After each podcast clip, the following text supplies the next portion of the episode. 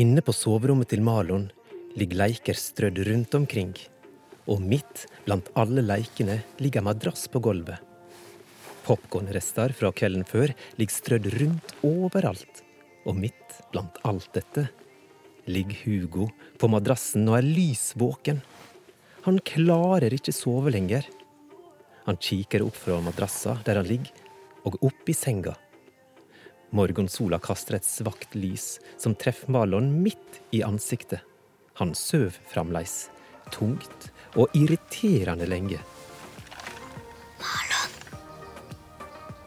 Sover du? Hugo og Marlon er bestekompiser. Og det er ikke uvanlig at de overnatter hos hverandre. Det gjør de ganske ofte. Det er som regel alltid Hugo som våkner først. Men nå vil Hugo at Marlon også står opp. De skal trass alt møte Alice og Josef på fotballkroken snart. Hugo strekker seg etter dinosaurroboten av typen T-rex. Han trykker på knappen samtidig som han løfter den opp mot ansiktet til Marlon.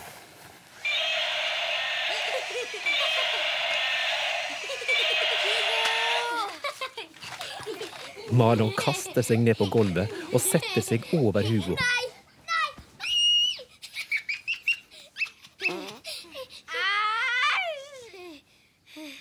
Det var ikke meg. Særlig.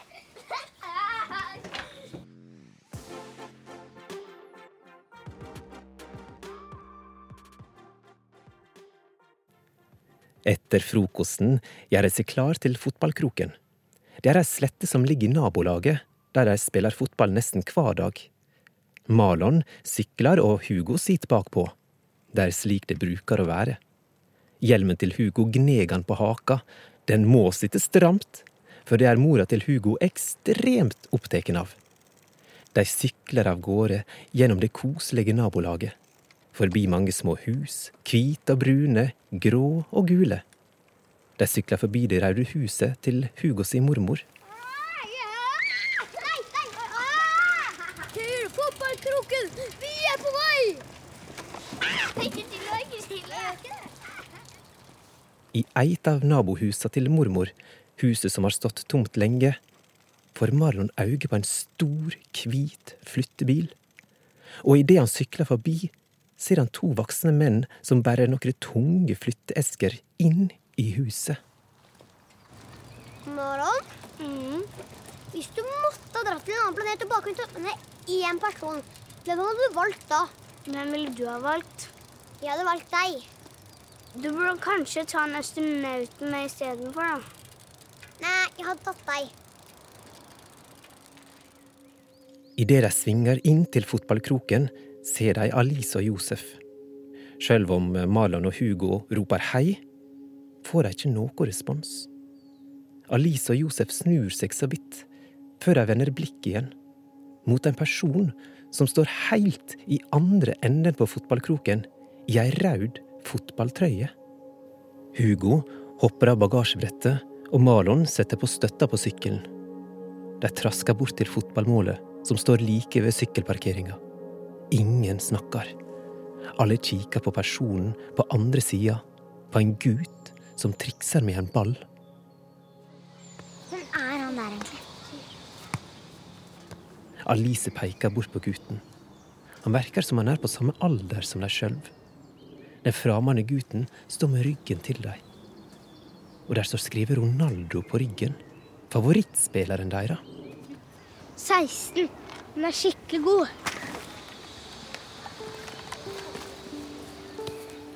Malon har begynt å gå forsiktig mot gutten som står og trikser med fotballen.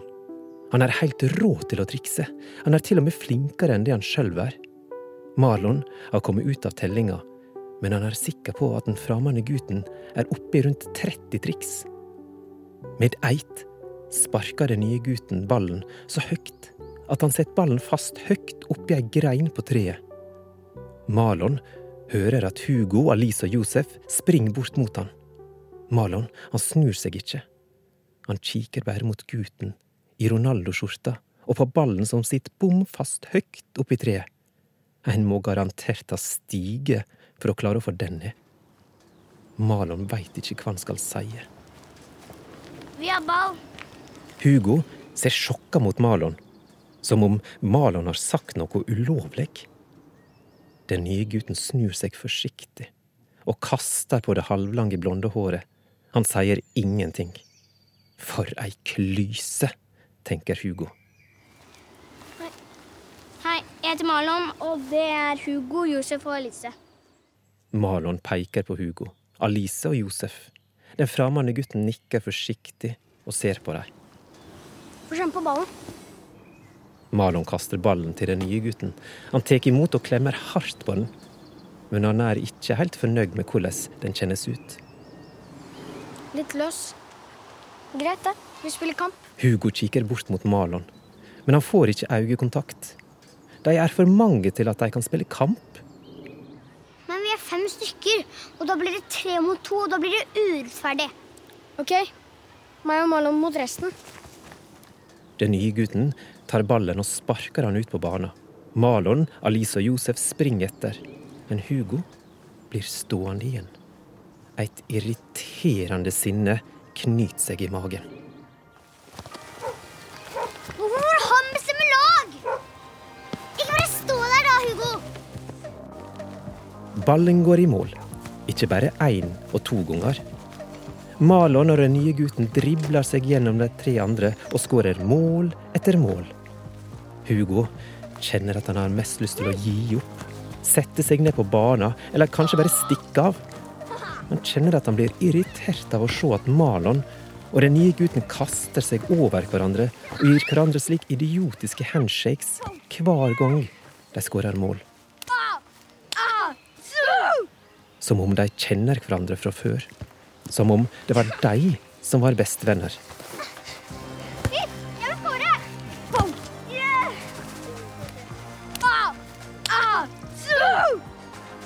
Midt i en målfeiring mellom Malon og den nye gutten hører de brått en bil som tuter.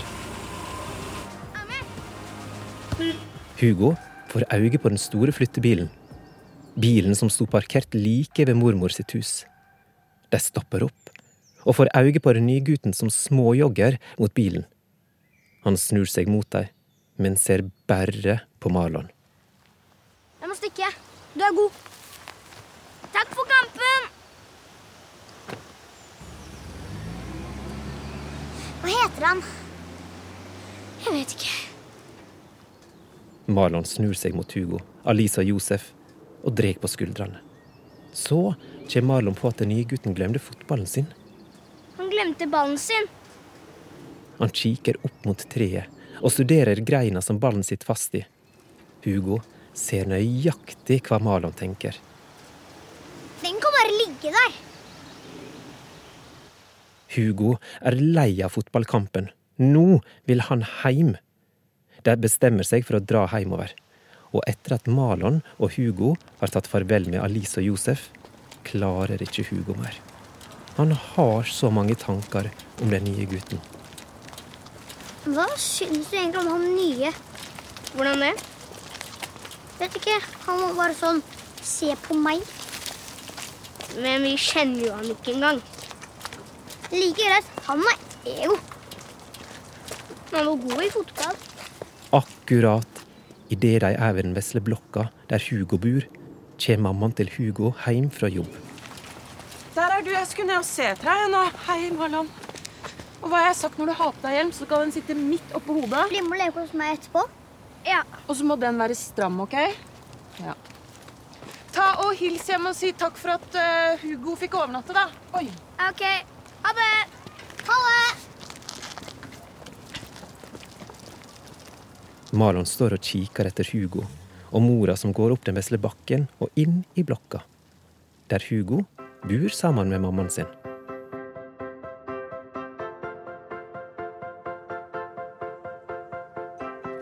Like etter middag samme dag skal Marlon tilbake til Hugo, som de avtalte. For å komme seg til Hugo er raskeste veien å gå gjennom fotballkroken. Medan Malon er der, tenker han på den nye gutten, han som var så innmari flink i fotball. Så kommer Malon på ballen som satt fast i treet.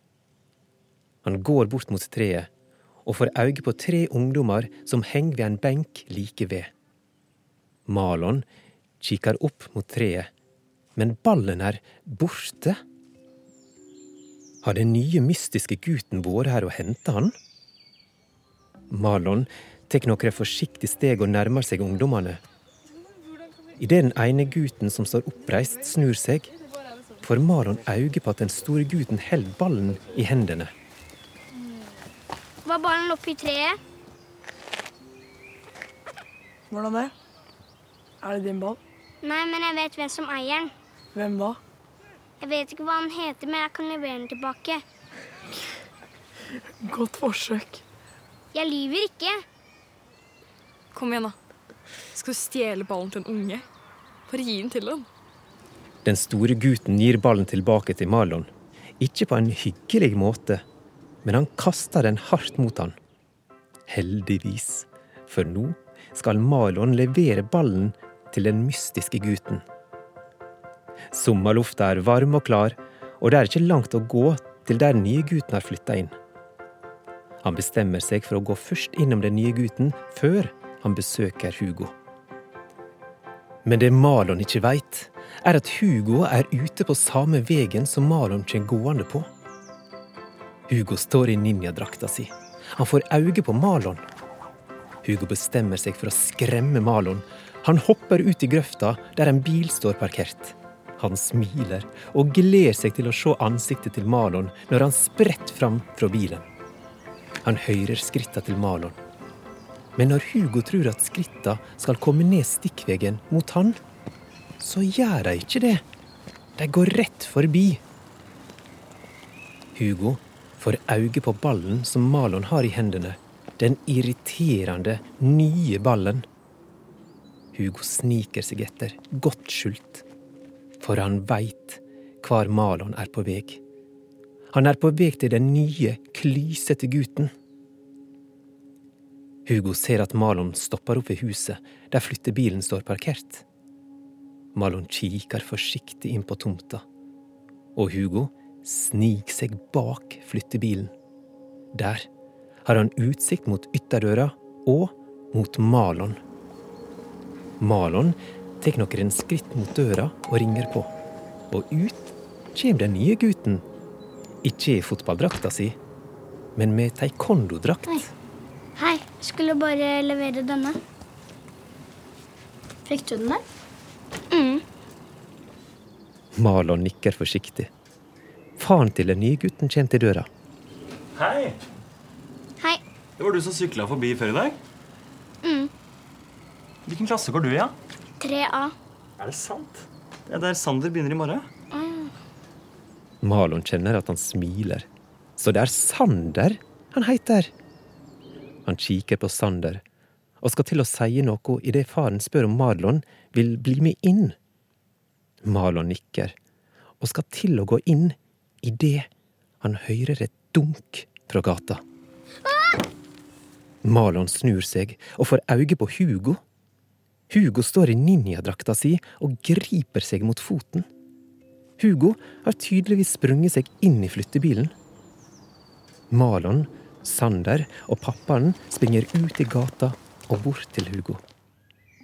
Hugo holder beinet sitt, og Marlon føler at han kan se at Hugo liksom overdriver smertene. Går det bra? Vet ikke. Klarer du å røre på den? Hvor bor du hen? Jeg kan kjøre deg hjem. jeg skal Marlon følge meg.